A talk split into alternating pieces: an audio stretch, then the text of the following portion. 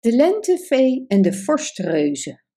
In hun glinsterende paleis van ijsbergen waren de vorstreuzen van plan om Iduna, de lentevee, en de zeldzame schat die ze bewaakte, te stelen. Rijpe vorst, noordenwind, natte sneeuw, hagel en sneeuwstorm werden rusteloos, opgesloten in hun bevroren woestenij van het noorden. Ze verlangden ernaar om de vallei van de lente binnen te gaan en verwoesting te brengen op de vruchtbare velden. We zijn hulpeloos, tenzij we de lentevee vangen en de mand met gouden appels van haar stelen, zei rijpe vorst. Zolang ze deze levengevende vrucht bewaakt, zal de hele natuur zich verheugen. De vogels zullen hun dwaze liedjes zingen, bloesems zullen pronken in de weiden, groene gewaden zullen de bomen versieren en de mensen zullen genieten van eeuwige jeugd en kracht. Wat je zegt is waar, zei de reus Noordenwind. Als ik maar de vallei van de lente kon betreden, dan zou ik zo lang en luid huilen dat die vervelende vogels zouden stoppen met hun eindeloze gezang. Ha, ha, ha, lachte de reus Sneeuwstorm. Je zou mijn hulp nodig hebben, geloof ik.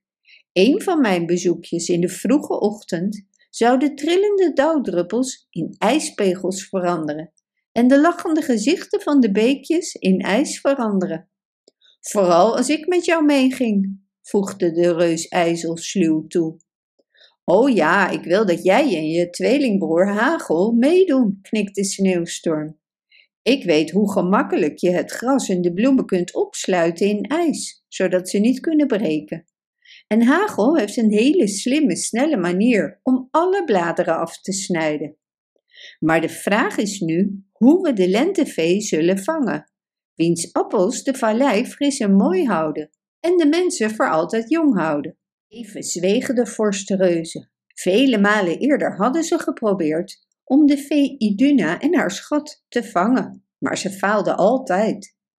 Ik weet het, zei Rijpe Vorst. We moeten hulp krijgen van Loki, de prins van onheil. Hij woont in Asgard, in de buurt van de lentevee.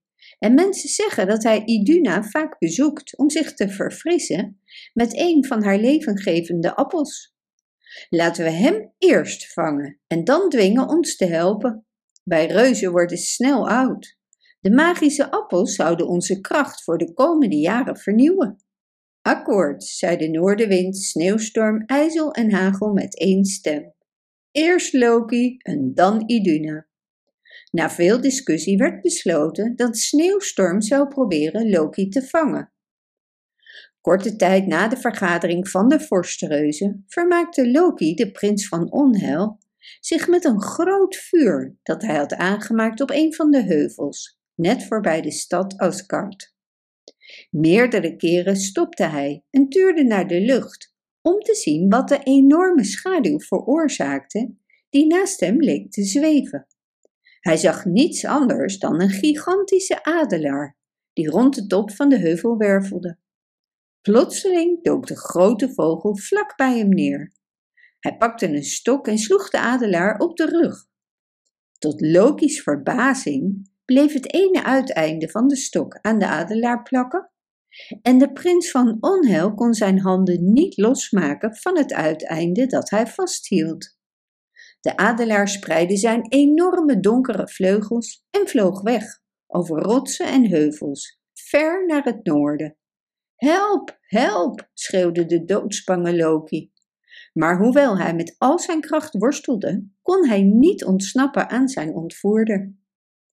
Toen ze een eenzame plek bereikte, ging de adelaar op een berg zitten en uit zijn veren stapte de reus Sneeuwstorm, die zei: Loki, je bent nu in mijn macht en je zult niet ontsnappen totdat je belooft de vorstreuzen te helpen met een hele moeilijke taak. Wat dan? hijgde de bange Loki. Jij moet ons helpen Iduna, de lentevee en de schat die ze bewaakt, te vangen. We kunnen de vallei van de lente pas binnengaan als Iduna onze gevangene is. Helpen om de schat te vangen, zei Loki, onmogelijk. Dan gaan we naar het noorden, verklaarde Sneeuwstorm, terwijl hij zijn adelaarskleed weer aantrok. Stop, stop, riep Loki verschrikt uit. Laat me even nadenken. Na een korte overweging legde Loki een eed af, dat hij Iduna en haar schat zou verraden. Toen werd de prins van onheil bevrijd en keerde Sneeuwstorm terug naar het noorden. De volgende dag liep Iduna laat in de middag door haar vallei. De bladeren dansten op de muziek van een zacht briesje. Een heerlijke geur van hyacinten en rozen geurde in de vallei. Ze ging bij een fontein zitten en zette haar mand vol appels op de grond. Een lange schaduw verduisterde het pad naast haar. En omhoog kijkend zag de lentevee Loki staan. Ik kom voor het verfrissende geschenk van een van je appels, Iduna, zei hij. Een lange reis heeft mijn ledematen vermoeid en mijn geest gebroken. Je bent van harte welkom om er eentje te eten, zei Iduna, terwijl ze haar doos opende. Het is al een tijdje geleden dat je een gouden appel hebt geproefd. Loki begon het kostbare geschenk op te eten. En Iduna hield hem nauwlettend in de gaten. Ze was erg trots op haar verfrissende fruit. Na een tijdje legde hij de half opgegeten appel op de fontein en zei: Ik ga je een geheim vertellen, Iduna.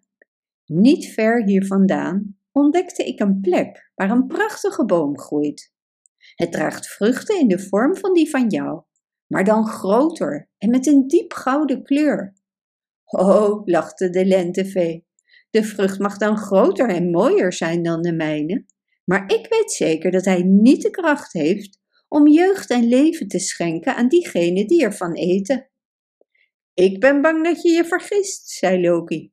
Mensen die van de vrucht van deze boom hebben gegeten, zeggen dat de verfrissende kracht wonderbaarlijk is. Als je wilt, zal ik je naar het bos leiden. Het is niet ver weg. En dan kun je deze vrucht, die veel aandacht trekt, vergelijken met die van jou. Ga je mee? Ja, zei Iduna, die niet kon geloven dat andere appels vergelijkbaar waren met die van haar. Loki ging voorop en Iduna, die haar schat droeg, volgde hem. Ze was een beetje verrast dat het bos zo ver van Asgard weg was. Maar haar verlangen om fruit te vinden dat mooier was dan de magische appels spoorde haar aan. Uiteindelijk bereikte ze een weiland omzoomd door een dicht bos. Kijk, zei Loki naar voren wijzend, we zijn er bijna. Plots viel er een donkere schaduw over Iduna's pad. Sneeuwstorm, vermomd in het verenkleed van een adelaar, dook naar beneden, ving de lentevee en haar gouden appels en snelde weg naar het bevroren noorden.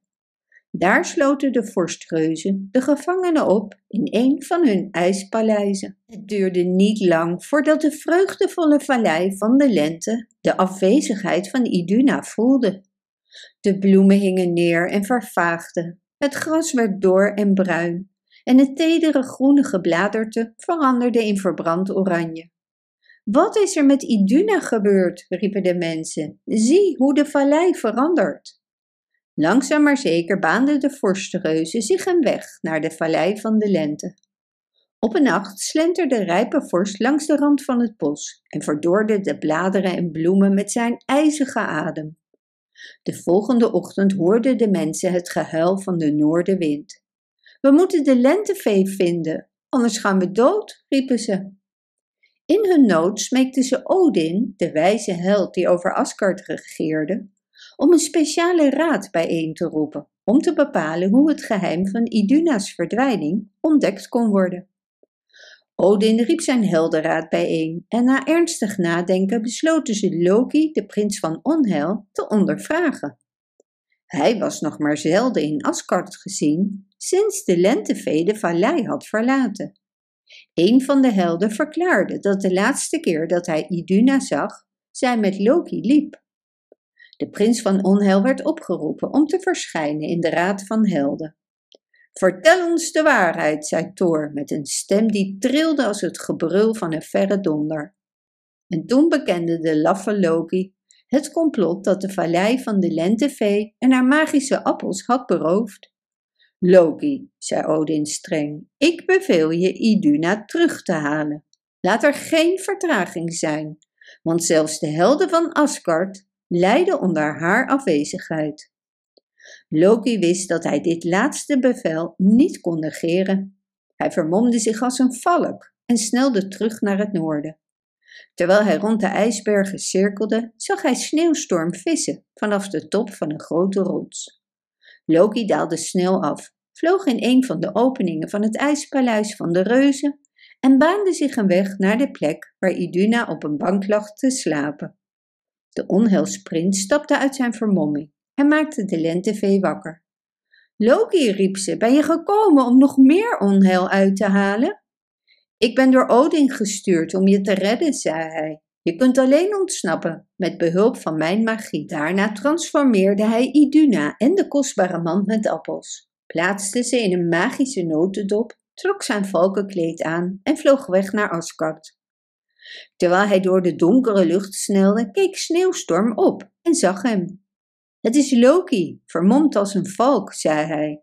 Hij neemt de lentevee mee terug naar Asgard. Maar hij zal me niet ontsnappen. Onmiddellijk trok de reus zijn adelaarskleed aan en vloog achter Loki aan. De mensen van Asgard keken angstig uit naar de terugkeer van Loki met Iduna. Op de derde dag na het vertrek van Loki uit Asgard zagen de mensen twee grote vogels bliksemsnel naar de stad vliegen. Het is Sneeuwstorm die Loki volgt, riepen ze. Steek de vuren aan, zodra Loki overgaat. Klaar, de vuren. Een moment van ademloze spanning volgde. De valk raasde over de muren van Asgard. Onmiddellijk barstte er een vuurzee los rondom de stad. De valk had de machtige race gewonnen. De adelaar wervelde ver boven de vlammen en keek neer op de stad.